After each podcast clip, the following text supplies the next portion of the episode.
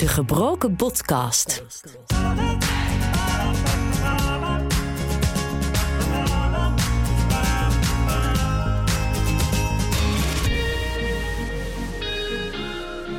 Welkom bij de derde aflevering van De Gebroken Podcast in quarantaine.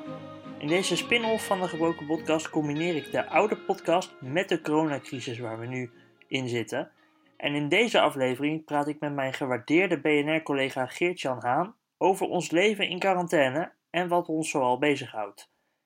Geert-Jan is recent vader geworden en ik ben benieuwd hoe hij dat ervaart in deze tijden van corona. En ook hebben we het over journalistiek in tijden van corona en nemen we een kijkje over de grens. Want Geert-Jan is slavist en voormalig correspondent in Oekraïne. Aangezien mijn favoriete journalistieke onderwerp ook het buitenland is, praten we daar ook uitgebreid over. Heel veel plezier met aflevering 3 van De Gebroken Podcast in quarantaine.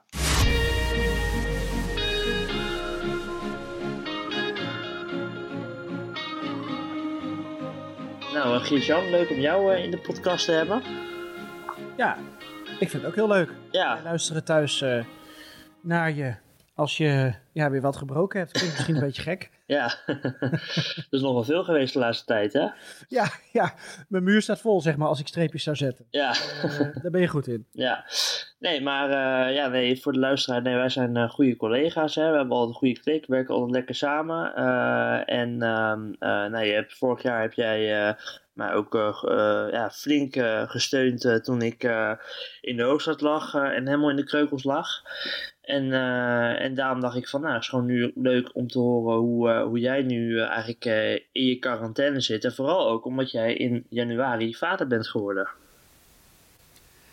Ja, dus je dacht, op deze manier kan je mij een beetje steunen, omdat ik er psychisch helemaal doorheen zit. nou, volgens mij, volgens mij gaat het nog wel redelijk oké met je, toch? Ja, het gaat wel goed. Ja, Mhm. ik mag niet klagen. Nee? Nee. Nee. Want Nee, jij- want zelfs in quarantainetijd eh gaat het wel goed. ja, jij bent een van de luxe paarden die nog wel gewoon naar het werk mag. Ja, ik word nog op werk verwacht. Ik moet zeggen dat dat binnenkort wel iets anders zal zijn. Eh, omdat als mijn vrouw aan het werk gaat en zij is, eh, zij is oogarts, dan moet zij ook de deur uit. Mhm. En eh, dat betekent dat het wel wat gevolgen heeft voor ons huishouden. Want van tevoren bedenk je hier allerlei oppassystemen. Ja. Ehm, en dat valt nu, eh, nu weg door de coronacrisis. ja, opa en oma vallen weg. Ja, open oma, ja, gelukkig nog niet helemaal, maar Nee. eh, wel even in het, eh, in het korte contact. En wij hebben allebei een, een, een vitaal beroep. Ik vind dat haar beroep een stuk vitaler is dan het mijne als Mhm. journalist. Maar goed, het is nu eenmaal zo. Dus wij zouden Irene, zo heet ze, ook elke dag naar de opvang mogen brengen. Ehm, alleen, ik vind het een beetje raar hoe het nu allemaal loopt. Omdat ehm, ja, er is nog zoveel onduidelijk over de rol van kinderen en baby's. En ik voel me ook wel een beetje verantwoordelijk. En dat Ja. heeft Pauline ook wel, mijn vrouw. Van ja, weet je, dan ehm, zitten we tegen iedereen te zeggen: doe voorzichtig. En dan ga je zelf je kind naar een opvang brengen met kans op verdere verspreiding. Ehm, ja, ik vind dat, dat vind ik eigenlijk wel lastige dilemma's waar je nu ineens als jonge vader tegenaan eh, loopt. Ja, want eh, eh, Irene is in januari geboren, hè? Ja. En nou ja, de eerste, ja, in zeg maar... pre-quarantaine Ja, coronatijd. in, in pre-coronale tijden. en de eerste anderhalve maand, nou ja, was natuurlijk, we hadden nog een normale wereld als het ware. Toen kwam corona eind februari. Ik weet nog, toen de eerste patiënt werd gediagnosticeerd, of toen het bekend werd, toen zaten wij met elkaar in de auto. Toen, Weet je nog? Mhm. En toen, ehm, ehm, nou, daarna is eigenlijk alles heel snel heel anders geworden. En eh, Ja. ja, ja hoe, ehm, hoe beïnvloedt dat eigenlijk eh, nu eh, eigenlijk de thuissituatie met, met Irene? Nou, omdat eh Paulien dus nog steeds verlof heeft, eh, ietsje langer dan, dan gepland. Maar vanuit het ziekenhuis hebben ze ook gezegd, ja, doe maar rustig aan, neem je tijd en word vooral fit. Want je bent eh, niet alleen eh, volgende maand, maar waarschijnlijk de rest van het jaar en volgend jaar nog heel hard nodig, als je alles eh, ziet. Ja, En ja, dat betekent dat, dat het bij ons eigenlijk niet, niet echt op het alledaagse is gericht. Dus ehm, eh, op zich is er niet heel veel veranderd tot nu toe, omdat Paulien toch wel thuis was en ik weer ja, naar Amsterdam ging voor de radio-uitzendingen. Ik ben wel ietsje langer thuis op een dag om wat meer te ondersteunen. Uh, dat betekent dat, uh, dat ik uh, telefonisch vergader. En dat is iets wat ik op zich ook al deed aan het begin van de geboorte van Irene. En ja, dat is nu dus ook door corona en zo min mogelijk contact hebben met elkaar op een redactie. Is dat, um, ja, heeft zich dat op die manier ook een beetje doorgetrokken. Um, maar verder uh, ben ik vooral benieuwd als Paulien weer aan het werk gaat, hoe het dan zal zijn. Want wat ik zeg, ja, dat hele oppassysteem valt in duigen.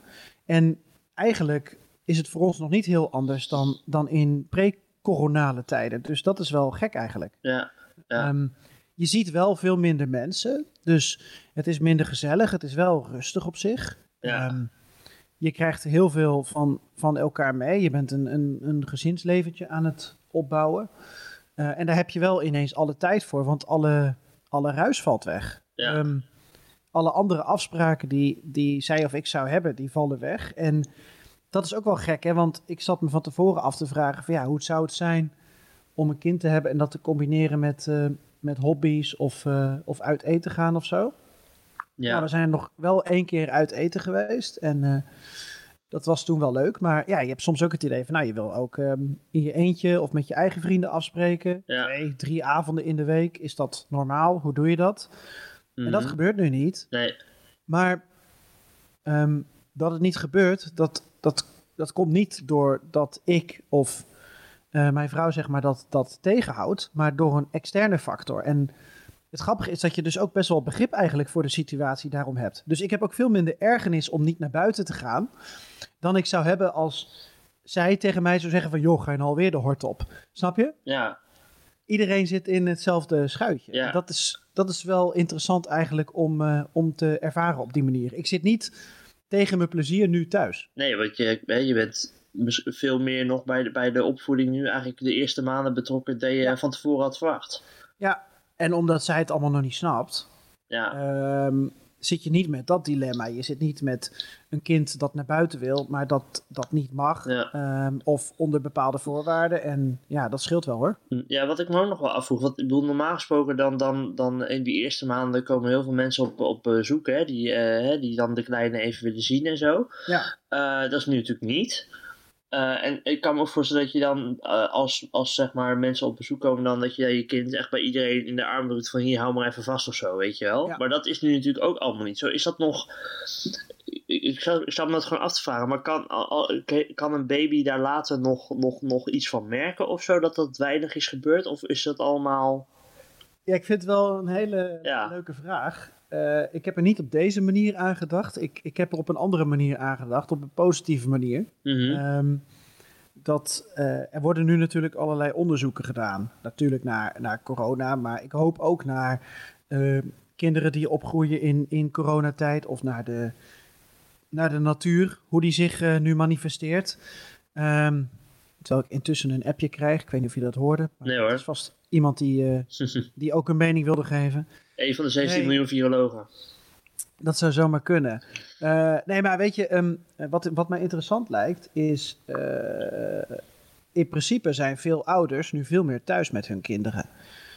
Uh, als er onderzoeken nu zouden worden gedaan, dan ben ik best wel benieuwd of over 20 jaar blijkt dat die kinderen eigenlijk um, best wel goed gelukt zijn. Omdat ze veel aandacht hebben gehad. Um, omdat er veel uh, voor ze gezorgd is, omdat er veel uh, ja, uh, werkzaken misschien ook wel thuis werden besproken. Dus dat ze heel snel intelligent worden. Ik weet het niet hoor, maar dat soort onderzoeken lijkt me best wel interessant. Ja. En ik snap wat jij zegt. Um, zo had ik er nog niet aan gedacht. Um, ik weet niet zo goed of dat met, met andere volwassenen geldt. Dat het kind dan daar minder aandacht van heeft gehad.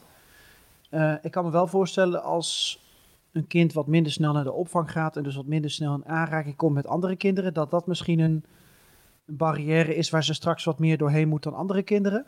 Ja. Maar dat gaan we afwachten. Maar ja, tot nu toe was het een redelijk makkelijk kind en ging ze makkelijk van arm tot arm. Ja. Um, ja. ja, dat is even niet. Dus uh, ik, uh, ik krijg flinke spierballen, want ze ligt alleen bij mij. en uh, nou ja, goed, als we dan het hebben over de tips en tricks, hoe jij de, de quarantaine doorgaat, dan is dan, dan of nou, hoe jij je quarantaine doorkomt, dan is het eigenlijk gewoon, gewoon lekker op, op je jonge gezinnetje richten. Ja, en ehm, ik denk wel dat het goed is dat, dat, dat je ook je energie in iets anders kwijt kan. En dat zou natuurlijk werk kunnen zijn. Nou, wij als journalisten hebben nu natuurlijk een toptijd tussen haakjes. Mm. Uh, want er is elke dag van alles te berichten, uh, te beleven. En ik voel ook echt wel een verantwoordelijkheid in de informatievoorziening. Dus dat, dat werkt ook wel. Uh, je moet namelijk ook iets hebben dat, dat weer voor afleiding zorgt. Dus of werk Ja. leidt af van thuis, of thuis leidt af van werk. Ik denk als je maar met één ding in je hele leven bezig bent. Nee, is ook niet goed, hè? Ja, dat is net als met als jij aan het revalideren bent, denk ik. Ja, dan heb je ook ontspanning nodig af en toe. Ja. Dat soort, dat soort dingen. Ja. Mhm. Ik ben nu in ja. mijn, eh dus van een hele andere orde. Ik ben nu in mijn, eh, in mijn quarantaine ben ik weer helemaal fanatiek voetbalmanager gaan spelen. Kijk. ja, Dat soort en lukt dingen. dat een beetje? Ja, ja, al twee keer op rij kampioen geworden met, eh, de mooiste, met de mooiste club van Nederland. En het schijnt dat je Senesi voor heel veel geld hebt verkocht. Nee, nee, nog niet. Nee, die heb ik nog. Oh, dat was iemand die op jou reageerde dan, op de sociale media. Ja, klopt, klopt, klopt. Nee, eh, ja, ik heb, eh, ik heb wel eh, Joshua Zirkzee voor 53 miljoen gehaald van Bayern München. Kijk. Dat zijn nog eens bedragen. Maar- ik zat me af te vragen. Ik heb eigenlijk, ik dacht van tevoren, ehm, eh, er zijn allemaal lees- en luistertips en zo nu in omloop. Ja, Daar, daar kom ik dan niet echt aan toe. Ehm, heb jij dat dan wel een beetje? Dat je nu eh, alle kampioensjaren, zijn er niet zoveel, maar leuk aan het eh, terugkijken bent? oh man, man. Ik UEFA Cup 2002? Ja, dat, dat, die komt veel voorbij. Hè? Gisteravond hadden ze weer Feyenoord Inter eh, werd uitgezonden. En halve finale, de return. En ehm, eh, ik heb al eerder ook PSV thuis gekeken uit dat seizoen. Ehm, dus dat soort dingen komen wel veel voorbij. Nou, we hebben natuurlijk eh, een paar weken terug hebben we bij eh, de NOS hebben we het hele EK 88 kunnen beleven hè, op zondagmiddag. Dat vond ik misschien nog wat het leukste, omdat dat toch een beetje het, het hoogtepunt van het Nederlands voetbal is. En dat nooit echt zo, ja, dat gewoon nooit bewust hebt meegemaakt natuurlijk. Nou ja, jij natuurlijk ook niet, jij was toen nog heel klein. Ja. Dus dat, dat was wel grappig om te zien. Maar nee, ik merk wel, ik, ik werk dan nu gemiddeld nog een dag of eh, ja, drie, vier in de week. En ik, ik heb nog best wel ook nog wel wat boeken liggen en zo, maar daar kom ik op een of andere manier ook niet echt aan toe. Ik dan toch, ja, dan ga je toch weer een beetje online kijken. En eh, ik ben nu nog vooral veel met voetbalmanager bezig. Dus, dus eh, en, en, en Netflix af en toe ertussendoor, weet je wel. Dus daar hou ik me een beetje mee bezig nu. Ja. Hoeveel seizoenen heb je al af dan van eh, voetbalmanager? Ik zit nu in het derde seizoen. Kijk. Dus Ja, daar ben je ook wel druk mee dan, hè? ja daarom. Nee, eh, ja, ik heb helaas niet overwinterd in de Champions League. Maar ja, wat wil je ook als je in een pool wordt eh geloofd met Manchester City en Borussia Dortmund? Het ligt altijd aan anderen. Het ligt altijd aan de handen, ja. Nee, eh, nee, maar ja, op die manier kom ik het op zich wel redelijk door. Ik, wat ik alleen wel merk, ik weet niet hoe jij er naar kijkt. Ik vind eh, de uitzichtloosheid van deze hele situatie echt heel erg deprimerend. Ja. Dat je gewoon geen idee hebt wanneer, wanneer het klaar is. Weet je wel, van ja, oké, we hebben nu 28 april en 1 juni, weet je wel. Of juni, zoals Grapperhaus zei. Ehm, maar, maar dan hoor je virologen, weet je wel. En die, en die, die, die, die hebben het dan over dat het wel 1 tot 2 jaar kan duren. En dan denk ik wel echt, ja, Ja. maar kom op, dat ga ik echt niet trekken. Dan, dan, heb, ik, dan, dan heb ik bijna zoiets van... eh, gooi de boel open en dan moeten we maar een risico nemen met z'n allen. Ja, maar ehm, wat die virologen zeggen, eh, het duurt nog ehm, één jaar bijvoorbeeld voordat er een vaccin is. Dat is in het gunstige geval. Ja, Twee jaar is realistischer. Ja, dat is op basis van, van de kennis van nu. De afgelopen weken vind ik dat er al ontzettend veel ehm, eh, tempo is gemaakt met het onderzoek, ook in Nederland, van, van wat is dat coronavirus nou precies en hoe moeten we ermee omgaan. En ehm, correlaties als overgewicht, correlaties als kleine bloedvaatjes eh, die lekken bij de longen. Ehm, het, het is eerst natuurlijk begrijpen en dan pas ermee om kunnen gaan. ja, Er wordt heel hard gewerkt. Alleen ik snap dat dat ja, voor jou en mij ja, eh, niet, en niet eens heel veel uitmaakt. Eh, Mhm. Omdat je die uitzichtloosheid hebt voor je gevoel. Maar ja, ik zat er ook laatst aan te denken hoor. Ehm, waarschijnlijk doen politici het dus ook bewust. Dat ze eh, zeggen van ja, we kijken gewoon een paar weken verder. Omdat het voor mensen anders niet te behappen is. En ja. ja, anders krijg je misschien ook onrust in het land, rellen, eh, weet ik veel wat allemaal voor, eh, voor gekkigheid. Ja. Ja, En, en, en zo kunnen ze nog een beetje laveren. Hè? Ja. Dus, nou ja, dan, dan vi- vindt iemand weer de lange afstandskapper uit of zo. Nou, dan mag vanaf 28 april weer open. Ja, nee, maar ik snap het ook wel. Want ik bedoel, ja, weet je, voor hetzelfde geld gaat het opeens zo goed. En gaan de, gaan de aantallen op de IC's opeens zo hard naar beneden. Dat, eh, dat je opeens, eh, opeens wel weer open kan, natuurlijk. Daarom snap ik ook dat bijvoorbeeld de, de voetballers eh, heel, heel druk bezig zijn om te kijken: van, ja, kunnen we toch niet in juni gewoon weer beginnen? Omdat je gewoon niet weet hoe de situatie dan is. Maar het heeft ook wel weer iets dat, je, dat ik eigenlijk denk: van, ja, eigenlijk zou ik nu gewoon willen weten: van joh, het komende half jaar wordt gewoon kut. En daarna gaan we weer door of zo, weet je wel. Maar ja, zo werkt het helaas niet. Ja, voetbal met anderhalve meter afstand. Dan heb je in ieder geval geen muurtjes meer. Echt hè? En eh, ja, nee, daar wordt nog wat. Daar wordt nog wat. Ja, dan krijg je een soort kampioenschap rondo. Het kan niet anders, denk ik. Ja.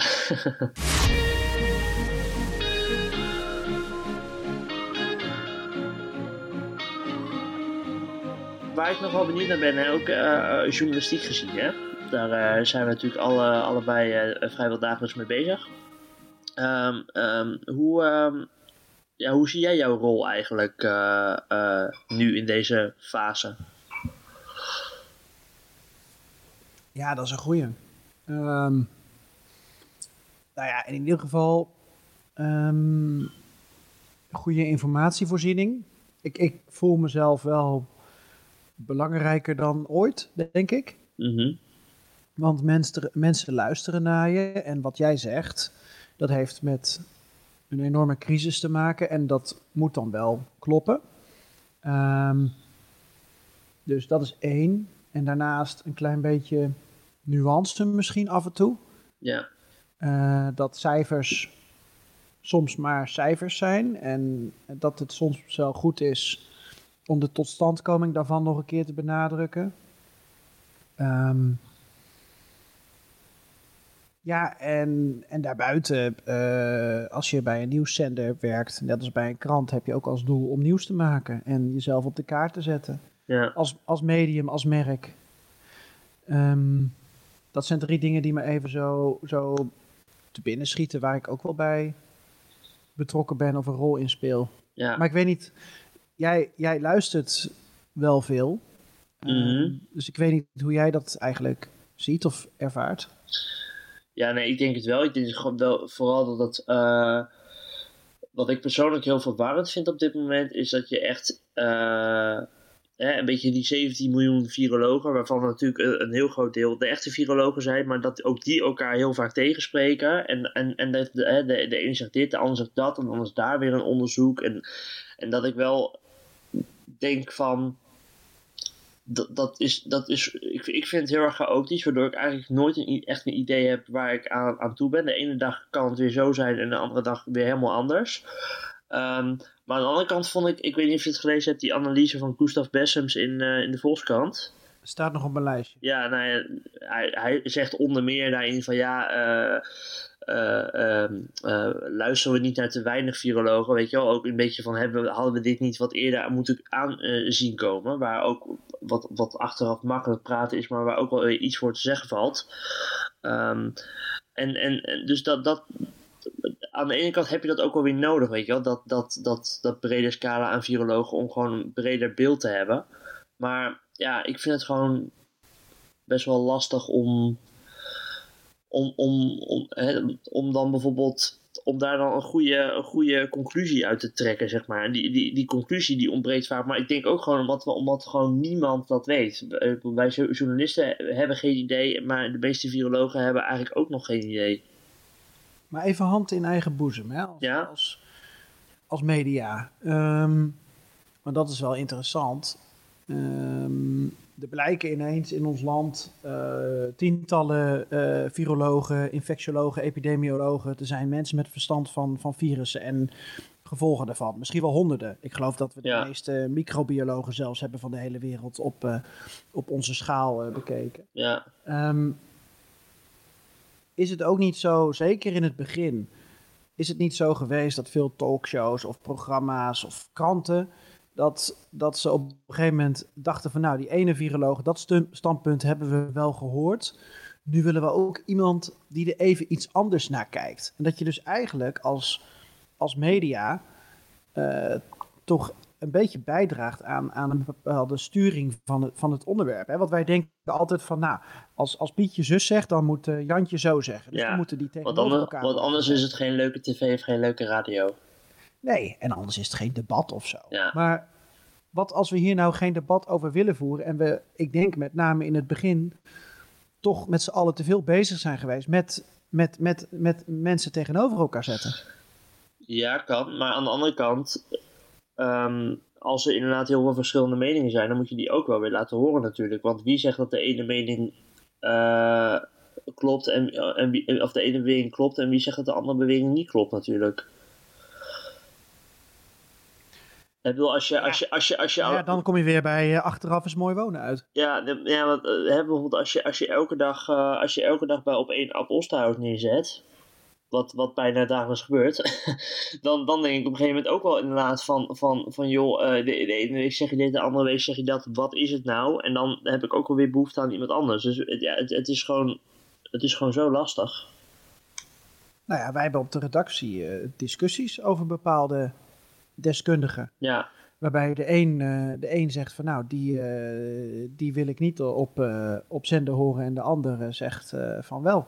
mhm, En ja, wat doe je dan? En op zich is het altijd goed om discussie te hebben. Maar ja, ja, ik vond het met name in het begin echt wel verwarrend hoor. Ook als ik andere media dan volgde.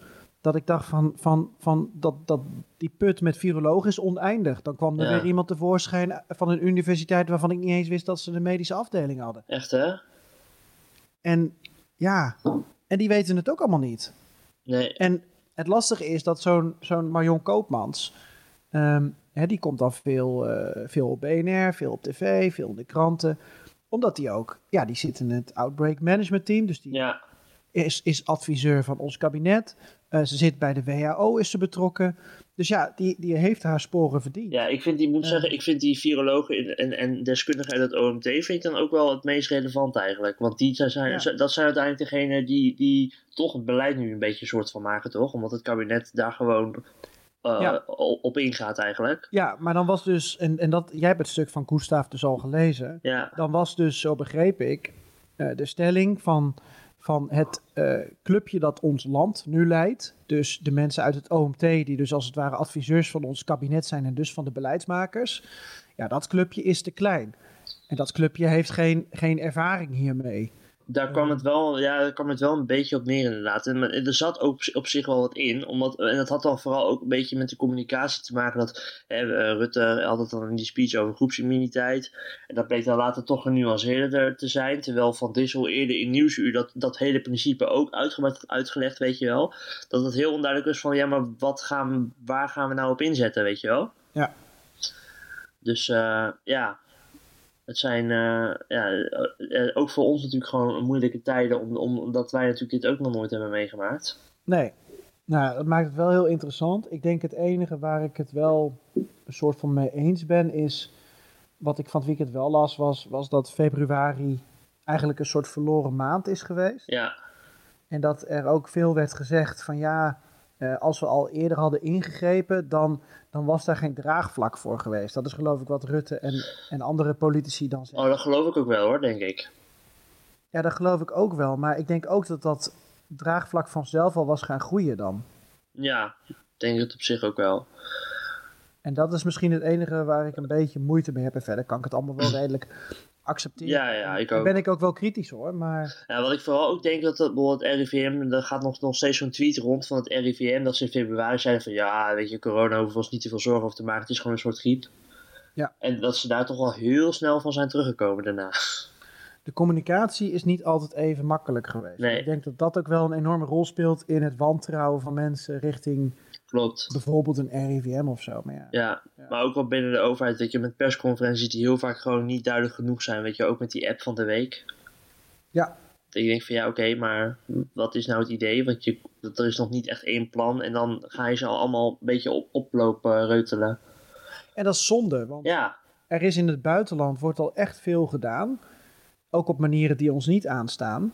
Maar er is ook binnen Europa al een werkgroep. Er zijn acht landen bij betrokken. Ik geloof Nederland dan weer niet. Misschien is de informatie inmiddels achterhaald. Maar dat ik denk van, je hoeft toch niet het wiel helemaal opnieuw uit te vinden. Nou willen ze wel dat iedereen meedenkt. Dat iedereen de plannen indient of weet ik veel wat. ja, ja, daar heb ik ook wel een beetje moeite mee. Dat ik denk van, joh, uh, er, er zijn zoveel apps die nu in omloop zijn. En je, en je geeft zelf je grenzen aan, namelijk uh, privacy waarschijnlijk. Ja. Dus nou ja, dan wil je bepaalde dingen gewoon niet. Dan wil je niet zoals in Polen, zeg maar, een soort self-tracking app op basis van locatiedata. Maar in Duitsland proberen ze zoiets zonder locatiedata. Ja, dan ga je meer die kant op.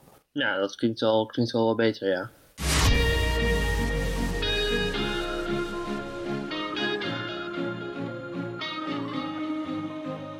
Jij maakt uh, de BNR Perestrooikast hè, met uh, onze gewaardeerde collega Floris Akkerman. En, uh, en zoals je zelf dat zegt, de enige podcast die alleen maar ook voor het oosten heeft, hè? nee, Nederlandstalig. Ja, ja en, maar, maar je hebt het dus over alles ten oosten van de Elbe, hè? En, en dan tot aan alle voormalige Sovjet-republieken, hè? Ja, je moet ergens een grens trekken, maar we, gaan, uh, we gaan tot aan de Himalaya ongeveer. Ja, ja, ja. En, van, en vanaf, dus zeg maar, uh, ja, tel, je dan, tel je dan voormalige DDR ook nog mee? Nou, in eerste instantie niet. Uh, maar op een gegeven moment rondom de val van de muur. Toen wel. Uh, toen ja. wel. En toen was ik zelf ook in Berlijn, dus ik vond het zelf ook interessant. Uh, ja, dus als het uitkomt. Als het uitkomt. Je hebt ook niet wekelijks aandacht voor Kirgizië. Of nee. voor Mongolië hebben we zelfs nog niet één keer genoemd. maar Mongolië heeft ook niet echt iets met Rusland te maken, toch? Nee, dat is waar. Dat is ja, geen voormalige Sovjet. Die dat, er zijn luisteraars die dat graag willen. Dat ah, oké. Okay. Mongolië Mongolië special. Hm. Ik ben er wel een keer geweest en ik moet zeggen, het heeft nog wel wat, wat, wat, wat Russisch, wat Sovjet-achtigs. Maar hm. dat komt ook meer door het communisme, wat natuurlijk ook in zuidenbuur China zat. Dus ja.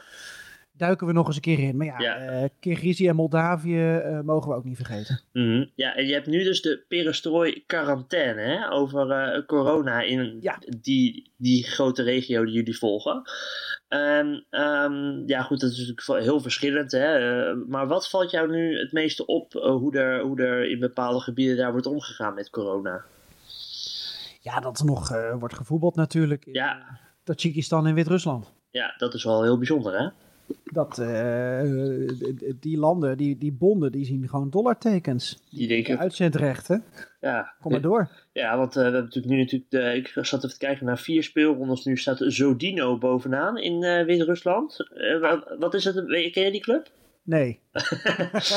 maar... afgelopen week van collega Bernard Hammelburg ja? Geleerd dat je ook af en toe mag zeggen, dat weet ik niet. Dat nee. niet ergens in deze tijden, dus ik zeg het oprecht. Nou ja, met het hele corona heb ik ook geen idee verder. Dus uh, uh, dat, uh, dat, dat is denk ik volkomen logisch. Maar ik zie trouwens wel dat FC Minsk en Islog Minsk vandaag de koppositie over kunnen nemen. Oh, kijk. En dan hebben we ook nog, en, nog niks te doen hebben. En we hebben ook nog Slavia Mozir, die kunnen dat ook nog doen. Dus dat wordt wel, wordt wel heel erg leuk. En ik zie even kijken, Tajikistan. Daar staat nu Vijskant bovenaan. Na twee wedstrijden hebben ze vier punten. Oftewel, die gaan geen koploper blijven. Uh, maar als ik het zo zie nu. Uh, oh, kijk, een echte wedstrijd om de koppositie. Uh, Koeiant tegen Katlon.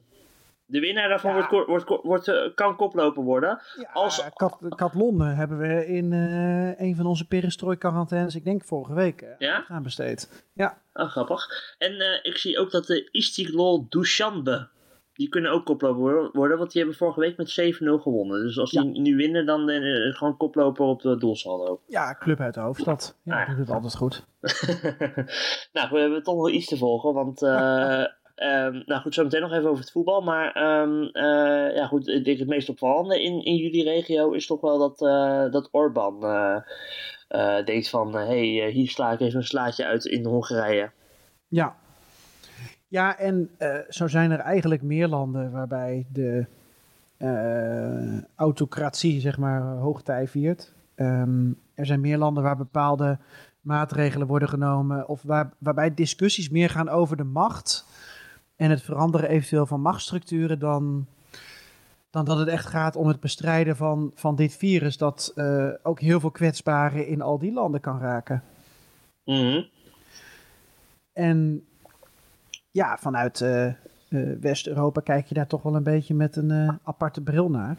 Um, ja, ik, de, de, zal ik heel kort uitleggen wat er in Hongarije dan speelt? Ja, ja, doe maar, doe maar eventjes. Maar, uh, nou, er is nu een noodwet. er is een noodtoestand afgekondigd en daarmee een soort noodwet in werking getreden. alleen die heeft geen einddatum. Dus het zou kunnen dat Hongarije voor de eeuwigheid in een, in een noodtoestand zit. Ja. Nou, dat uh, schijnt volgens internationale verdragen, uh, OVSE-regels, et cetera, en ook de oppositie in Hongarije niet te kunnen. Um, ook neemt de parlementaire controle af, want het parlement is tamelijk buitenspel gezet. Het komt erop neer dat Orbán nu eigenlijk per decreet uh, kan, uh, kan regeren en, en heel veel dingen zelf kan bepalen. Nu is het wel zo dat het parlement in Hongarije uh, al heel veel Orbán-gezinden had. Ja, twee derde of zo, toch? Fidesz. Was, ja. was al, dus ja. in, principe kon hij de hele grondwet al naar zijn hand zetten. Nou ja, en dus krijg je nu discussies van ehm, teksten als is de democratie afgeschaft in Hongarije? Nou, daar ben ik het niet mee eens, want de democratie is op een andere manier ingekleurd. En uh, Orbán had natuurlijk al een bepaald mandaat en daar heeft hij nu handig gebruik van gemaakt. Ja. Uh, de theorie is wel dat hij dit doet, zodat juist hij later kan zeggen: kijk, de oppositie die, uh, die wilde niet volop het coronavirus bespreiden. Europa is tegen ons. Um, ja, er zit een soort PR-campagne achter. En dat geldt dus niet alleen voor Hongarije, maar dat geldt voor meer landen waar zulke dingen spelen. En dat is natuurlijk best wel, uh, best wel kwalijk, hè? Ja, want welk land in jullie uh, regio doet het eigenlijk het beste, uh, denk jij, als je het nu ziet? Of neemt het het meest Ja. serieus? Of... Ja, wij hebben zo'n ta- 30 landen die wij ehm, bespreken. Ehm, Moet ik even denken. Ehm, nou ja, eh, Tsjechië wordt over het algemeen wel eh, geroemd.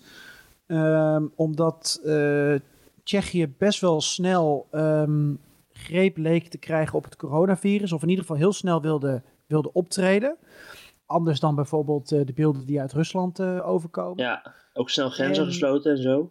Ja, ja en ehm, eh, ook Nederlanders die, die mochten er niet meer in of uit. Tsjechië en Slowakije zijn wel echt hard tekeer gegaan met lockdown-achtige maatregelen.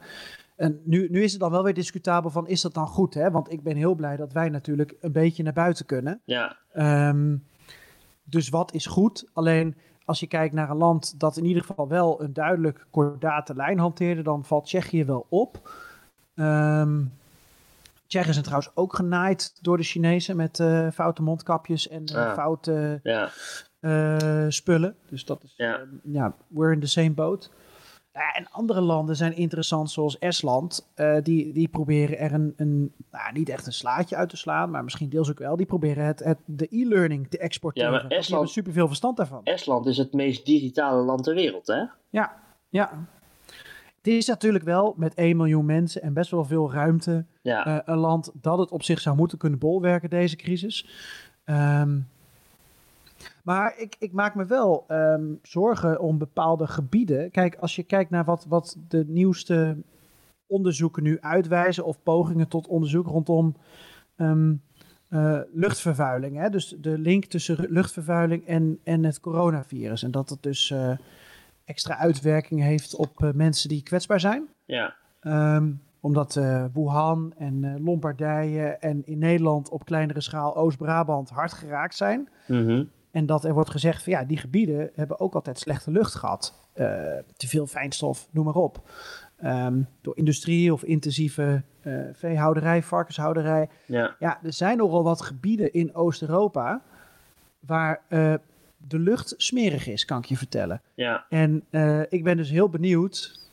ik hoop het niet, maar ik ben heel benieuwd als die link wordt gelegd. Ja, dan, dan, dan kan je je borst nat maken in bepaalde gebieden in Oost-Europa. Aan de andere kant weet ik ook niet of we het ooit zullen weten, want je weet ook niet of alles wordt geregistreerd op die manier. Mhm. ja, ja, ja. Nee, ja, eh, het kan dus, eh, dus het is heel erg eh, divers hoe er eh, mee om wordt gegaan eigenlijk ook dus in, eh, Ja. in, eh, in de regio. Dus zelfs, wat, eh Tajikistan is dat volgens mij, hè, waar we het al eerder over hadden met voetbal, eh, dat, Mhm. dat, dat daar de leiding zelfs zegt van, joh, dat woord dat mogen we ook niet gebruiken, eh, is er allemaal niet, toch? Dat is Tajikistan, Tur- toch? Turkmenistan. Oh, Turkmenistan is dat. Ja. Nou goed, weet je, het ligt in ieder geval wel in die regio, maar, da- maar, maar daar mag je het woord in ieder geval niet eens gebruiken, hè? Nee, dat klopt, dan bestaat het gewoon niet. Nee. Makkelijk. Nou, lekker makkelijk toch? En eh, je mag ook niet, eh, eh, het, je mag het dus op straat niet zeggen. Je mag ook niet er überhaupt over praten, want dan staat er een boete op. Ehm, ja, dat soort dingen. Dus ehm, Dat Ja. als jij het woord corona zegt, dan, dan kun je dingen uitscheiden hè, met speeksels en dan kun je iemand besmetten. Maar zo zal het wel niet zijn, hè? Zo zal het wel niet zijn. Nee, maar ja, zo gaat elk land. ehm, maar goed, ja, weet je, eh, dat is ook het lastige van dat wij zo'n grote regio eh, interessant vinden. Eh, er zitten duizenden Ja. kilometers tussen soms. Bijvoorbeeld ook Rusland. Ja, wij krijgen eigenlijk vooral mee wat er in Moskou gebeurt natuurlijk. Ja. En er is nu een andere regio, Komi. Dat is dan een soort tweede brandhaard. Maar weten wij veel hoe het nu in Ja. ehm, eh, Vladivostok gaat? Ehm, dat soort dingen, ja. Ja, want. Poetin doet nog redelijk alsof er weinig aan de hand is, maar Ja, het, het, Ja. het lijkt niet helemaal zo te zijn, hè? Nee, en de, de, qua machtsstructuur is ook wel interessant. Ehm, lijkt het een beetje ook ehm, een beetje op, op, op Amerika, als in... ehm, Eh, federale staten. Ja, en, en het voorbeeld van New York met Cuomo, de gouverneur, die natuurlijk veel aan het woord komt. Je ziet dus ook dat in Moskou de burgemeester Sobjanin, dat die ook eigenlijk nu, nu een sterke leidersrol op zich neemt. En dat vind ik wel interessant om te zien, want in Rusland is er eigenlijk eh, naar buiten toe nooit zoveel aandacht voor, voor andere leiders. Ja, Ehm, op zich zijn die er wel op regionaal en lokaal niveau, maar dat een burgemeester van Moskou nu zo nadrukkelijk eh, ja, naar voren treedt, ehm, dat had op zich Poetin of een van zijn ministers ook kunnen doen. ja, ja.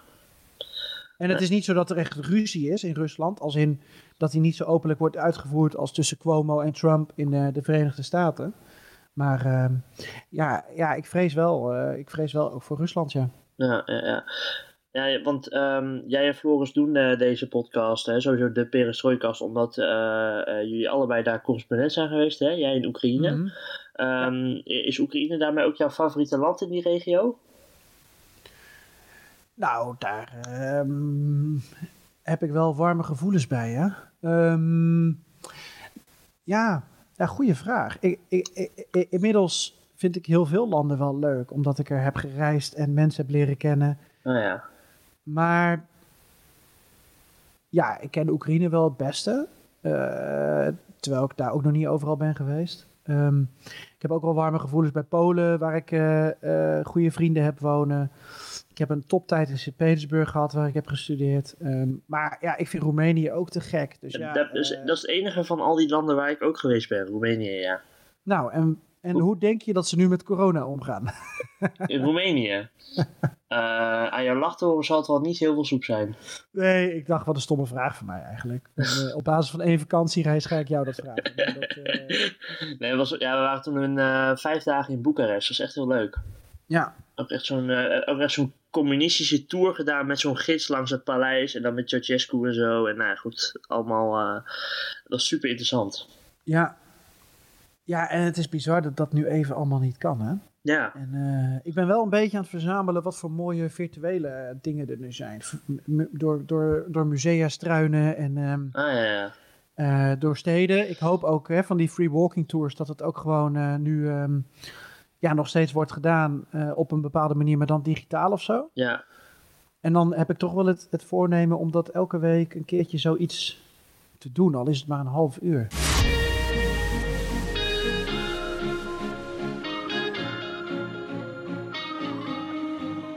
Ik weet niet, eh, we hebben nog even toch? Eh, Ja, ja. Ja. ja, ja. Nee, Ik was wel benieuwd als ik een, een, een wedervraag mag stellen. Ehm, want, want die vraag kreeg ik afgelopen week een paar keer. Ehm, hoe, hoe ik vind, en in, in dit geval dus hoe jij vindt, dat de verhouding Nederlands nieuws, buitenlands nieuws nu is. Hmm. Vind je dat, dat Nederlandse media ehm, in de talkshows, in de, in de nieuwsuren, in de radioprogramma's, eh, hè, want kranten hebben nogal bijlages, maar Ja. vind je dat die wat snellere programma's, hebben die genoeg oog nog wel voor, voor het buitenland en Ja. de situaties die in het buitenland gebeuren? Ik denk het wel eigenlijk. Want ehm, aan de ene kant denk ik ook dat, omdat corona nu hier zo'n groot probleem is, dat het ook heel volkomen logisch is dat we gewoon nu eerst even naar onszelf kijken. Eh, omdat dat ook gewoon is, denk ik, wat de meeste mensen interessant zullen vinden. Hoe we, hoe we het hier gaan, eh, gaan rooien met z'n allen. Eh, en nog steeds, ik bedoel, ja goed, ik als journalist volg natuurlijk ook heel veel. Dus, dus, dus eh, ehm, ik weet niet hoe het is voor iemand die, no- die niet zoveel nieuws volgt als wij. Eh, maar als ik puur voor mezelf spreek, weet je, ik zie heel veel uit, uit, uit New York, weet je, dat het daar heel erg is. En, en Italië nog steeds. In Spanje hoor je verhalen over. Uh, je hoort natuurlijk ook heel veel dingen over hoe, hoe, hoe ze het in Zuid-Korea en Singapore aanpakken. Hoe China nu weer een beetje open gaat. Dus, dus um, ja, ik persoonlijk vind het wel oké. en, en denk het ook dat het wel logisch is dat we nu vooral even wat meer naar onszelf kijken. Maar, maar jij, jij denkt daar anders over? Nee, ik heb daar wel begrip voor. Maar. Um, nou, wat ik afgelopen week al interessant vond, was. Um, vorige week. Ligt er ook aan wanneer je dit luistert. Uh, op een gegeven moment werd bijvoorbeeld gezegd: Oostenrijk gaat weer open. Ja. Noorwegen gaat weer open. Klopt. Um, en dan, dan, dan komt dat via één medium naar buiten. Uh, weet ik veel, in eerste instantie via een betrouwbaar persbureau en dan ja. letterlijk overgenomen door een website. En dan hebben wij allemaal de indruk van, nou, die doen het goed, die Oostenrijkers.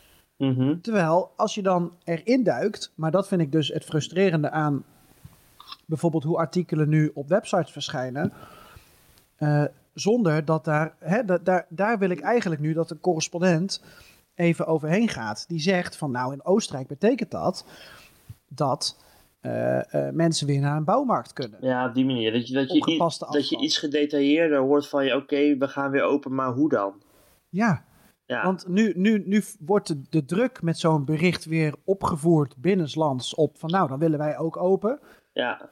Terwijl wij hebben van alle uh, lockdowns, hebben we er een die, die ons nog redelijk ehm, ja, in beweging kan houden. Alleen, alleen, alleen Zweden heeft het minder strenge. Maar voor de rest uh, uh, zijn we nog redelijk vrij. Dat denk ik wel. Ja. ja. En, en dat, dat vind ik dan lastig, uh, omdat dan moet je de situatie in het land kennen. Nou, nou spraken we toen in het geval van Noorwegen op BNR wel collega en goede vriend van mij, Koen Verhelst. Die dat dan wel een beetje kon uitleggen. En het is ook natuurlijk een heel ander land, Noorwegen. Maar ja, Oostenrijk ja, dat, dat, dat vind ik dan frustrerend. Want dan denken ze van ja, die koers die heeft het allemaal goed gedaan en dit en dat. Ja. die heeft eerst alle wintersporters veel te laat het land uitgejaagd. Ja. Om vervolgens dan um, een lockdown af te kondigen die strenger is dan de onze. En dan denken wij nu van, oh, ze gaan open. Maar je kan daar nu gewoon eindelijk naar de intratuin... nadat je wekenlang je tuin naar de kloot hebt laten helpen. dus, maar die nuances zijn super belangrijk. Ja, ja nee, dat, daar, ben ik, daar ben ik het wel weer mee eens inderdaad. Uh, dat, dat, dat dat dan wel goed is om te horen van, ja, maar hoe gaan ze dan open? Weet je, ik hoorde dan van de week ook iets van Merkel, weet je... dat Duitsland ook denkt om weer langzaam richting open gaan te gaan. Maar ja, hoe dan, weet je? En ook daar is superveel verschil in beleid, omdat deelstaten daar een bepaalde macht ja. hebben. En, en de ene grens is. De, oh, sorry, mijn microfoon viel. De, de, de ene grens is daar ook de andere niet. Dus de manier waarop de Nederlands-Duitse grens wordt, wordt gecontroleerd. Ja. is veel luchtiger dan hoe uh, Beieren uh, Oostenrijk bijvoorbeeld uh, met elkaar in verbinding En ik kan me ook voorstellen dat bijvoorbeeld daar, dat je in een Noord-Rijn-Westfalen of zo, of een, of een Beieren, dat je daar heel streng bent, maar dat in een, in een Brandenburg of een Saxe waar, waar, waar het relatief mild is, uh, dat je daar misschien eerder geneigd bent om te zeggen van joh, we gaan weer wat dingen opstarten. Ja. Omdat trouwens, omdat trouwens even, uh, Brandenburg, Saxe, voormalige DDR, uh, dat is trouwens heel leuk, op Twitter heb je een account. De, de, de, DDR heeft een Twitter-account, een parodie-account. Ah. Dat is echt super grappig om te volgen. Ze hebben een paar weken geleden, toen corona helemaal uitbrak in, in, in, in, uh, in bepaalde deelstaten in Duitsland, toen insinueerde dat account dat uh, West-Berlijners nu massaal aan de Friedrichstraße aan de grens over stonden omdat ze de DDR in wilden. Vluchten voor corona. Dat soort dingen, oh. weet je wel. En dat, dan de, en dat de DDR dan wel dan wilde laten zien dat ze de goede Duitse staat zijn om die mensen gewoon op te vangen in, in, uh, ja. in, bepaalde, in bepaalde kampen en zo. Ja. maar dat is nog een, een leuke Twitter-volgtip. Maar ja, nee, goeie. Ja. Maar zonder dolle dat al die arbeidsmigranten. Nou ja, het is de grootste volksverhuizing sinds de val van de muur weer. Ja. Dat is niet normaal. Eens, ja, klopt. Dus uh, daar moest ik ook even aan denken. Maar uh, uh, ik, ik, ik, ik denk dus eigenlijk dat ik wel. Ik, ik snap um, dat Nederlandse media veel aandacht hebben voor binnenlandse gebeurtenissen nu. omdat er zoveel ontwikkelingen zijn, ook economisch hè, in ons eigen land. Mm -hmm. um, maar als we het dan over het buitenland hebben, dan pleit ik er wel voor dat we dat met iets meer kwaliteit doen. En, en, ja. en iets meer deskundigen en, uh, en correspondenten die we dan ook echt laten uitleggen hoe dat daar zit. Ja. Omdat het dus echt wel het sentiment in Nederland op een bepaalde manier voedt. Ja. Mensen hebben de Telegraaf gelezen en lezen van ja, Oostenrijk gaat weer open. Ja, Nou, hoppa, op, Rutte, kom op. Ja. precies, Dus precies. ehm, ja, maar goed, ja, eh, op zich ook wel interessant. Misschien moet ik dit ook maar eens eh, bij BNR eh, aankaarten. Dat eh, eigen, eigen, hoe zeg je dat? Eigen boezem eerst? Nee, ja, Nou zo- ja. ik kan- dat ook. ik snap wat je bedoelt. hey, eh, eh, ja, we zijn bijna aan het einde nu, hè. Ehm, en even een laatste dingetje. We houden allebei van voetbal. Ehm, Ja, dat, er wordt nu niet gevoetbald helaas, hè. Ik moet zeggen, ik, ik begin het nu wel echt te missen. Hoe zit het met jou? Ja, ehm, ik mis het nog niet helemaal. In die zin van dat ik natuurlijk ook nog druk ben met, met mijn eigen situatie nu. Ja, Maar er, er komt een moment, denk ik, dat we allemaal weer. dat we het allemaal weer minder, minder spannend vinden. En dat we denken van ja, we willen weer terug naar oude dingen. En daar horen natuurlijk eh, voetbal kijken ook bij. ja. En dan, dan denk je op een gegeven moment van nou, het duurt nu wel heel lang. Ik heb nu al heel lang niet gezien hoe Ajax eh, met 6-2 van Feyenoord won. Eh, andersom, hè. Dat heb ik ook heel lang niet gezien. en Dus, ehm, eh, maar- maar, maar, maar- misschien, eh, eh, eh, sorry, nee, ga je gang. nou, gaan we nog voetballen di- dit seizoen? Nee. Jij denkt van niet? Nee. Ik denk ook van niet. Al hoop ik natuurlijk heel erg van wel. Ja. Eh, Nee, maar als een burgemeester van Eindhoven al zegt van dat ja, ga maar ik dat, gewoon niet toestaan. Maar dat was wel heel raar natuurlijk. Hè? Dat zo'n De Pla zit daar namens alle burgemeesters hè, van Breda eh, in dat overleg met KNVB. En dan wordt er gezegd van we kiezen allemaal één, eh, één plan voorlopig. En, en, en dan gaat zo'n man voor zijn beurs spreken. Een beetje wat Overmars vorige week deed. Ja, nee, dat is, Dat ook is heel raar. Maar het geeft wel aan dat, ja, dat, dat als te veel clubs het niet willen of burgemeesters, dan gaat het gewoon niet gebeuren. Nee, klopt. Dat is ook wel zo. Dus, En eh, zoals Jan Boskamp zei, eh, dan wordt eh, ons Feyenoord toch even mooi de dubbel door de neus geboord. Hè? Nou ja, ze zaten in een lekkere flow. ja, inderdaad. Misschien kan ik jou dan nog vragen. eh, ik, eh, heb je afgelopen week nog Barney tegen Phil Taylor gezien? Eh, nou, nou, stukjes, stukjes. Maar het was En wel dat Barney bijna nog een, een negendarter gooit. Ja, en dat hij... En dat hij Op zijn mislukte bordje. en dat hij dat hij na een achterstand inderdaad nog won, maar dat, dat je echt denkt van, van wow, jij bent van al je stress af en opeens kan je weer darten. Ja, want van alle sporten zou het zomaar kunnen dat darten weer als eerste gaat plaatsvinden. Tennis misschien. Nou ja, met darts is natuurlijk heel erg, dat is natuurlijk, een heel, heel, dat is natuurlijk heel commercieel met al dat publiek wat daar altijd bij moet zijn, want daar verdienen ze natuurlijk ook heel veel geld aan. Eh, maar ja, misschien, ja, weet je, eh, nood breekt wet, dat ze misschien inderdaad wel zouden kunnen zeggen van, joh, we gaan de Premier League darts gewoon eh, hervatten vanuit eh, de schuurtjes. Ja. Dat zou wellicht kunnen, inderdaad. eh, eh, ja, tennis zou kunnen, ja, golf misschien ook, ja. Ja, ik hoor dat tennis en golf ook al nu wel het vers zijn met een soort exit-strategie. Hè? Hoe, hoe, gaan we, hoe, hoe gaan we het weer opstarten? Ja. ja, het enige is, de wereld is gewoon afgesloten. Dus je moet Ja. natuurlijk wel, ehm, dan moet je allemaal nationale toernooien houden. Of, En ehm, dan moet je bij golf moet je lekker gaan golfen op de Wii of zo.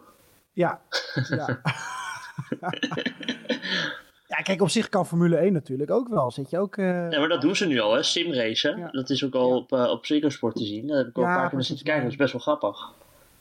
Nee, maar het is natuurlijk ook, hè, waar het op neerkomt is, sport is gewoon niks zonder, zonder toeschouwers en zonder publiek. Volgens mij zei, zei Peter Bos dan ook afgelopen week van ja, als de Bundesliga weer opstart, dan is het wel eigenlijk, ja, tegen wil en dank. Want Ja. we doen het voor de fans. Klopt, maar ja, weet je, ja, in deze situatie moet je dan, moet je dan helemaal niet gaan voetballen. Ik bedoel, ik ben het mee eens hoor. Ik heb een paar keer wedstrijden zonder publiek gekeken voordat voetbal werd stilgelegd. En dat was echt verschrikkelijk. Maar ja, aan de andere kant, denk ook even aan alle belangen qua geld. Hè? Want het zijn ook maar gewoon bedrijven, al die clubs. Ja. Eh, op een gegeven moment moet het geld toch weer gaan rollen. En dan is dat misschien toch maar gewoon de enige manier waarop we het moeten doen. En ik hoop, ik hoop dat we dat met de Eredivisie toch wel kunnen doen. Want het zou toch gewoon leuk zijn als we wel gewoon een kampioen en een bekerwinnaar en zo hebben. Ja, dan ma- maak je wel vorderingen in de groepsimmuniteit, ben ik bang. ja, ja. Nou ja, dan moet je het gewoon eh, eh, wel zonder publiek doen. En, en ik denk ook wel dat we ook komend seizoen nog wel, ehm, eh, wat ik ook al wel hoor, dat je dan bijvoorbeeld stadions hebt die maar voor 20% gevuld zijn of zo, weet je wel. En dat je dan, en dan, en dan ook mensen verspreid door het stadion neerzet. Ja, Dus ja, eh, je wil geen eh, Bergamo-Valencia praktijken. nee, nee, nee, dat moeten we niet hebben inderdaad, nee. En ik vraag me ook wel heel erg af, ik ben wel heel nieuwsgierig of fans zich daaraan gaan houden. Of, of fans bij een doelpunt dan niet massaal naar elkaar toe vliegen en elkaar in de armen springen, weet je wel. Ja. Nou ja, Ja, en wat moet zo'n steward dan doen? ja moet zo'n steward inderdaad in ertussen of denkt hij van ik pleit mooi weg. Ja, Oh, ja man. lastig hoor. Ja, Ja, het is een nieuwe wereld. ja ik, maar ik, als ik heel eerlijk ben, dan hoop ik dat, het, he- dat hij heel snel weer de oude wordt. Ja, dat snap ik. Dat En ik, en ik word ook wel heel erg moe van mensen die zeggen van ja, de wereld wordt nooit meer hetzelfde. Ik denk van joh, waarom niet? Ik denk dat, dat mensen zoveel behoefte hebben naar die oude wereld, dat we, dat we eh, in ieder geval in de sociale omgang, zeg maar, dat dat gewoon weer terugkomt hoor. dat denk ik ook. Ik kan me niet voorstellen. Ja, ik denk dat mensen ook, ook... Er wordt nu gezegd van ja, we gaan super solitair met elkaar blijven. Ik denk dat dat meevalt of tegenvalt. En dat mensen ook denken van ja, ik wil op vakantie, want dat heb ik verdiend. Ja, daarom. En dan nou, zul je zien dat die tour operators het natuurlijk super duur maken, omdat iedereen wil en dan kan niemand meer. nou ja, goed. Met de trein, hè? Dan moeten we met de trein, Michael. Nou ja, ik heb september een weekje Berlijn eh, geboekt. Ik heb, me, ik heb mijn hotel eh, nog niet hoeven te betalen, dat scheelt. En ik kan hem kosteloos annuleren. En ik heb nog geen eh, transport, zeg maar, eh, geboekt. Oh ja. Dus, ik zit, dus stel dat ik er wel heen kan gaan en ik besluit dat drie weken van tevoren, dan denk ik erover om gewoon met de auto te gaan bijvoorbeeld. ja, dat kan ook. Daarom. Dus nou ja, dat moeten we maar zien dan. Ja joh. Ja, een gekke tijd inderdaad. Heel erg bedankt in ieder geval Geert-Jan dat je, dat je in de podcast wilde zijn. Ja, nee, eh, leuk om hier even over eh, de oude hoeren. Ja, Want dat is het eigenlijk. we moeten toch een beetje, een beetje van ze aflullen af en toe. Ja, dat is het ook wel, ja. Daarom, Dus, eh, daarom. En dan eh, binnenkort maar weer een, eh, een online eh, spelletje doen of zo. Ja, gaan we zeker doen.